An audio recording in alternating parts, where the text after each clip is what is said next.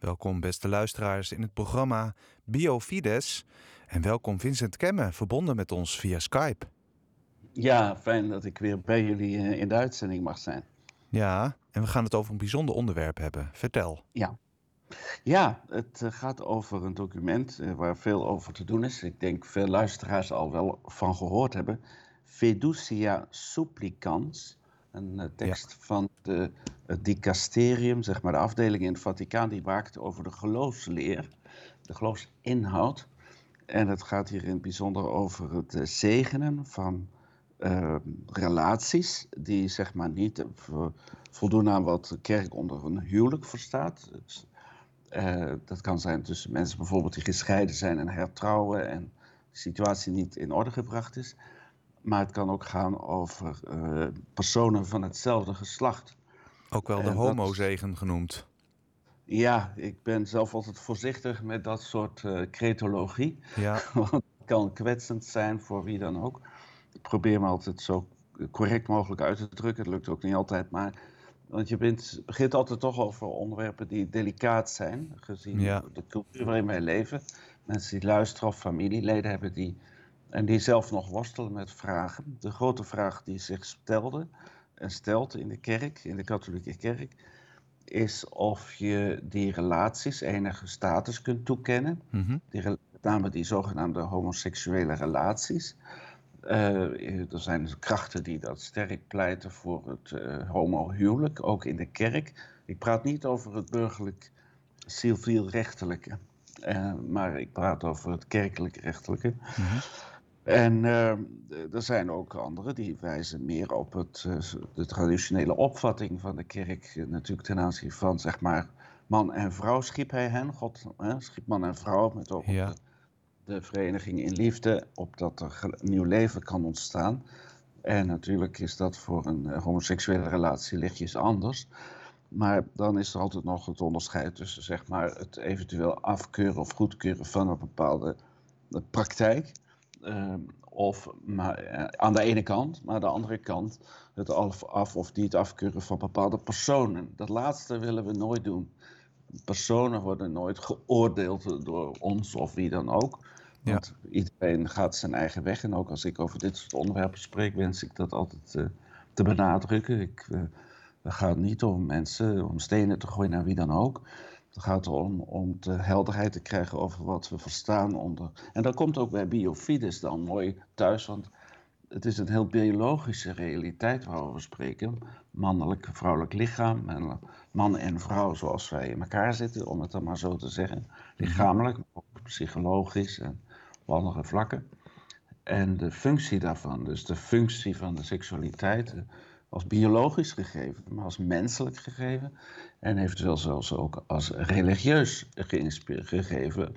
En dan praten we over sacramenten en over wel of niet zegenen enzovoort. Nu, zoals de luisteraars misschien al weten, is er voor het eerst een ruimte gecreëerd vanuit het Vaticaan, dus die dienst voor de geloofsleer in Rome, die dan toch zegt een mogelijkheid ziet op een zeer informele manier, dus niet in een liturgische context of zo, om uh, twee mannen of twee vrouwen die in een intieme relatie leven, toch uh, te zegenen in hun relatie. En veel mensen hunkeren daarna, veel mensen hopen dat dat, hopen al lang dat dat kon. Anderen zeggen ja, dat gaat toch ver, want dan ga je toch eigenlijk een, een, een leefwijze die de kerk altijd als zeg maar ongeordend heeft, uh, is ook een beetje een hard woord, maar ongeordend heeft gekwalificeerd, dan toch Gods uh, zegen over afvragen, is dat niet, uh, is dat niet tegenstrijdig, zeg maar. Ja. Van de ene kant zeg je, dit is niet conform Gods wil of Gods plan, maar ik ga die relatie toch zegenen. Daar gaat de hele discussie over. Ja. En de, het Vaticaan heeft dus voor de eerst daar in, op een zeer uh, ja, informele manier wat ruimte voor gecreëerd om dat dan toch te doen. En daar is, daar is uh, heel veel heisa over in de kerk. Tussen allerlei verschillende personen en bisschoppen ook met name. Ja, hm? ja dat klopt. En uh, ook de Nederlandse bisschoppen moeten het, daar natuurlijk iets mee. En er staat inderdaad een bericht op de website van RK Kerk dat ja. uh, inderdaad dit uh, document is gepu gepubliceerd. Het wordt vertaald in het Nederlands. En de Nederlandse bisschoppen willen zorgvuldig kennis nemen van dit nieuwe document. En hebben het voornemen om dat te bespreken in hun eerstvolgende vergadering in deze maand, januari. Nou, dat is een antwoord op een vraag die ik dan had, want ik had nog niks gehoord van de Nederlandse bisschoppen. De luisteraars weten dat ik in België woon en ik werk heel internationaal, dus ik heb al heel veel reacties opgetekend van over de hele planeet, van bisschoppenconferenties bijvoorbeeld. Zo heeft bijvoorbeeld eh, de Franse bisschoppenconferentie, ik denk twee dagen geleden, verklaring uh, afgegeven waarin ze benadrukte, en dat klopt ook, dat dit document de leer van de kerk, de visie van de kerk op het huwelijk, man en vrouw schreef hij hen, onveranderd uh, laat. En dat een eventuele zegen van twee mensen van hetzelfde geslacht die in een homoseksuele relatie leven, nooit geïnterpreteerd zou mogen worden als iets wat ook maar lijkt op het, uh, het sacrament van het huwelijk, de, zoals de kerk dat ziet. Dus de, de, visie op, van de kerk op het huwelijk zou volgens dit document niet veranderen. Uh, wat er wel natuurlijk verandert is dat je, wat ik net al gezegd heb, een, een relatie uh, die op een manier beleefd wordt die, laten we zeggen, uh, vroeger zouden we zeggen zondig, maar dat woord is, ligt ook al zeer heel gevoelig. Ja aan de meer uh, diplomatieke woord dat de catechismus van de katholieke kerk hanteert, is ongeordend. Dus niet conform de ordening van God, maar voor veel mensen is dat ook al te hard om zo te zeggen. Uh, kijk, uh, het gaat er altijd om omdat je mensen nooit wil viseren, persoonlijk wil kwetsen of, of, veroordelen of gelijk of wat dan ook. Maar het gaat natuurlijk van de andere kant ook wel om van ja, wat is nu onze visie op het mens zijn, op het leven van man en vrouw. En seksualiteit is natuurlijk een ongelooflijk delicaat thema, gevoelig thema. En ja, mag je daar op een gegeven moment toch ook op een gegeven moment over bepaalde zaken. Kijk, bijvoorbeeld, ik zeg maar wat uh, minderjarigen, hè, dus uh, seksuele gedragingen toen met minderjarigen, daar zijn we het allemaal over eens. Hè? En, andere zaken van geweld bijvoorbeeld, of, of, aanranding. Dus dat is ook allemaal seksualiteitsbeleving. Maar daar zijn hele terreinen waar eigenlijk niemand van mening verschilt over wat daar kan en niet kan. Maar als het gaat over volwassen mensen, dan is natuurlijk ook de persoonlijke vrijheid van ieder individu in het geding hè, met, uh, met instemming van, hè, is er een bepaalde relatie of zo. En dan zeggen heel veel mensen, en dat begrijp ik wel, van ja, maar dan kun je toch, uh, dan moet, dat, je kun je toch niet voorschrijven wat ze wel en niet mogen. En uh, ja, dus dat, vanuit een, kijk, de kerk schrijft ook niet voor in de zin van, foei, als je dat niet doet, dan sturen we de Zwitserse garde op je af of zo. Maar het gaat er natuurlijk wel om dat de, kerk er uiteindelijk op gericht is om het, het maximale geluk na te streven van iedere mens en iedere menselijke relatie. En als het gaat over de seksualiteit, dan oordeelt de kerk tot op nu toe dat dat eh, dus in die zin tekort schiet, omdat het niet volst beantwoordt aan de roeping van man en vrouw om in, een, in liefde uh, eenheid te beleven en vruchtbaarheid te beleven. Dit wijkt daar gevoelig van af, hè, homoseksuele ja. relaties. En ja, dan, de vraag is of het nog mogelijk is, of nog toegelaten is in een cultuur als de onze, om daar een mening over te hebben die minder positief is, laten we zo zeggen. Zonder de mensen te veroordelen, maar de, maar de praktijk, de, de daden, zeg maar, te, te klassificeren als, zeg maar, uh, wat ik net al zei, ongeordend. Dus dat is het, uh, ligt heel gevoelig. Mm -hmm. Dus ja, nu zijn er dus bisschoppen in wereldwijd. Dus de Franse bisschoppen hebben vooral benadrukt dat de verklaring uit Rome uh, de, de, leer over het huwelijk niet verandert. En er heeft een één Franse bisschop voorgesteld dat je, als een stel dat er twee mannen naar een priester stappen, mannen die in een relatie leven, een homoseksuele relatie, en vragen om de zegen, dan zegt die Franse bisschop, zegen ze dan individueel. Want daar is niets op tegen. Je gaat niet iemand de kerk is ruimhartig en dat wil ook, is de hele toon van het document.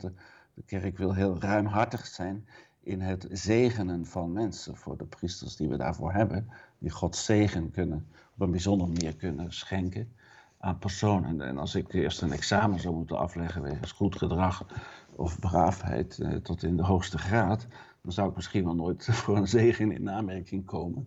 Dat zo, zo ziet de kerk dat niet. Dus je moet niet perfect zijn om de zegen te kunnen ontvangen. De vraag is alleen of een, een structureel, uh, sorry voor, weer voor dat woord, maar ongeordende relatie uh, ook gezegend zou kunnen worden. En daar zeggen een heleboel bisschoppen, en ik voel daar met hen mee. Nou, nee, dat kun je natuurlijk niet doen. Hè. Je, je kunt die persoon zegenen, ik wens jou geluk en ik bid dat God jou helpt om, om zijn wil in jouw leven te realiseren, om gelukkig mens, een volwaardig gelukkig mens te worden, in je noden te voorzien en alles meer. Maar, uh, en dat kun je ook voor de andere persoon doen, maar je zou dan, niet, als, je zou dan niet als paar ze moeten zegenen. Ja. Dat heeft eigenlijk de Franse bisschoppenconferentie overgenomen. Alleen ze hebben in een formulering eigenlijk die zegen een beetje on, on, gewoon niet heel erg vernoemd. Dus het is een beetje een compromistekst, denk ik ook wel. Tussen Franse okay. bisschop. En wat, wat vind jij van die uh, suggestie van die ene bisschop die dan uh, voorstelt van zegen dan de, de ene persoon en de andere persoon, maar niet, niet hun relatie? Het lijkt mij, maar wie ben ik, uh, de oplossing. Hmm. Dus het gaat erom dat je altijd, ook als ik, ik ken zelf mensen in mijn familie die in die situatie leven. Ik ga echt die mensen niet achtervolgen met de leer van de kerk elk familieetentje of zo. dus dat, uh, ja. je wenst elkaar goed wel toe. Ja, natuurlijk. Ja. Zij, zij uh, zo willen leven, wie ben ik om daar maar mee te bemoeien? Ik ben natuurlijk geen priester, maar ik kan bijvoorbeeld hen zegenen, tussen aanhalingstekens, door, door hen op een verjaardag wel, wel degelijk te bezoeken of, vrienden, of wat dan ook meer. En uh, dat, daar zou ik zie geen probleem in, maar de de, de, de kwestie blijft natuurlijk of je als kerk je. En die, dus de, de, de, document vraagt dus ook om dat vooral niet in een liturgische context te doen, niet in een kerk, gewoon niet met priestergewaden en zo erbij, zodat het geen officieel karakter krijgt. Dus de, het nieuwe van het document is eigenlijk dat Paus Franciscus en zijn rechterhand, uh, de, de, aarts, de Argentijnse aartsbisschop Velasquez, ik ben even nu zijn naam schiet me niet goed te binnen, maar die, uh, zeggen eigenlijk, die maken eigenlijk een nieuw onderscheid tussen verschillende zegeningen. Waarbij er opeens eentje bestaat die zodanig informeel is, dat die wel gegeven kan worden zonder te erkennen dat die homorelatie oké zou zijn, om het zo te zeggen. Ja, oké. Dat, dat klinkt paradoxaal of tegenstrijdig in zich. Er zijn priesters, ik was toevallig onlangs naar Frankrijk zat ik met een rector notabene van een seminarie in Frankrijk in de auto. En die zei ik, ja, ik kan dat niet in mij splitsen. Ik kan niet als priester uh, twee typen zegeningen hebben. Eentje voor die correct is en voor situaties die niet in, intrinsiek zeg maar, ongeordend zijn. En een andere, zeg maar, informeel achter een, uh, achter een, een, achter een boom ergens of zo, in een informele plaats op een bedevaartsoord of zo. Ja, die, dat kan ik me voorstellen, ja. Dus die, zit daar, die zat ermee. En er zijn heel, met name de Afrikaanse bisschoppen, heel veel Afrikaanse bisschoppen, een hele bisschoppenconferentie hebben zich fel uitgesproken hier tegen. Dus er zijn, is een enorme tweedracht nu op dit moment in de kerk over dit onderwerp. Um, ik vind zelf, ik voel erg mee met die priesters die zeggen, en bisschoppen die zeggen, ja, dit kan eigenlijk niet. En, uh, maar ik ben uh, maar een commentator uh, op een radiostation in Nederland. Dat, ja, dus wie ben en dat is heel fijn maar, om jouw duiding daar te ontvangen. Voor onze, ja. luister, voor, hè, voor, voor onze luisteraars en ook voor mezelf, als ik voor mezelf mag spreken. Nog één heel korte mm -hmm. vraag, want we hebben natuurlijk beperkt tijd in dit programma. Ja. Hè, er is dan, wordt dan inderdaad gezegd van er is veel onduidelijkheid, veel verwarring en dergelijke. Komt het nou vooral door dit document, fiducia supplicans, of komt het nou mede ook door zeg maar, hoe het naar ons toe komt? In de zin van dat, zeg maar, de rol van de media. Ja, de media moet je altijd wantrouwen. Ik zou bijna zeggen, zelfs Radio Maria moet je ja. kritisch naar luisteren. En zeker ook naar mij. Ja. dus, maar, maar er is toch ook een structureel probleem. Bijvoorbeeld in de, in de tekst van het document staat dat er geen verdere toelichting voor nodig is. En dat het mensen moeten nemen zoals het is. En het is duidelijk genoeg. En dan een week later of twee schrijft dezelfde kardinaal, die dit dus opgesteld heeft. Fernandes, ja. Kardinaal Fernandes. Fernandes ja die schrijft uh, een toelichting erop. Dus ik bedoel, hij heeft zelf eigenlijk al moeten toegeven dat zijn tekst niet duidelijk was. Ja, en dan het lijkt wel tegenstrijdig, beetje, ja. Ja, en dan wordt er een beetje met het gezagargument puur geschermd. omdat het het leergezag, omdat de paus het zegt, eh, goed, is het goed en moet je het accepteren. Nou, zo zit het in de kerk toch normaal niet. De paus, daar hebben we grote respect voor, maar, dit, maar ons geloof mag ook doordacht worden. Dus als de paus geen argumenten of geen goede argumentatie zou leveren, of deze kardinaal, dat merk je. En dat is ook gebleken. Ja. Ja. Oké, nou heel fijn. Bedankt voor jouw bijdrage en jouw uh, duiding. Hopelijk draagt het juist bij een meer duidelijkheid. Uh, Maar inderdaad de oproep om uh, ja, kritisch naar te luisteren en zelf ook het eigen geweten te laten spreken. Ja, een beetje bidden en geduld hebben. Bidden en geduld. Oké, nou mooi om daarmee af te sluiten. Bedankt nogmaals en graag tot de volgende keer. Tot de volgende keer.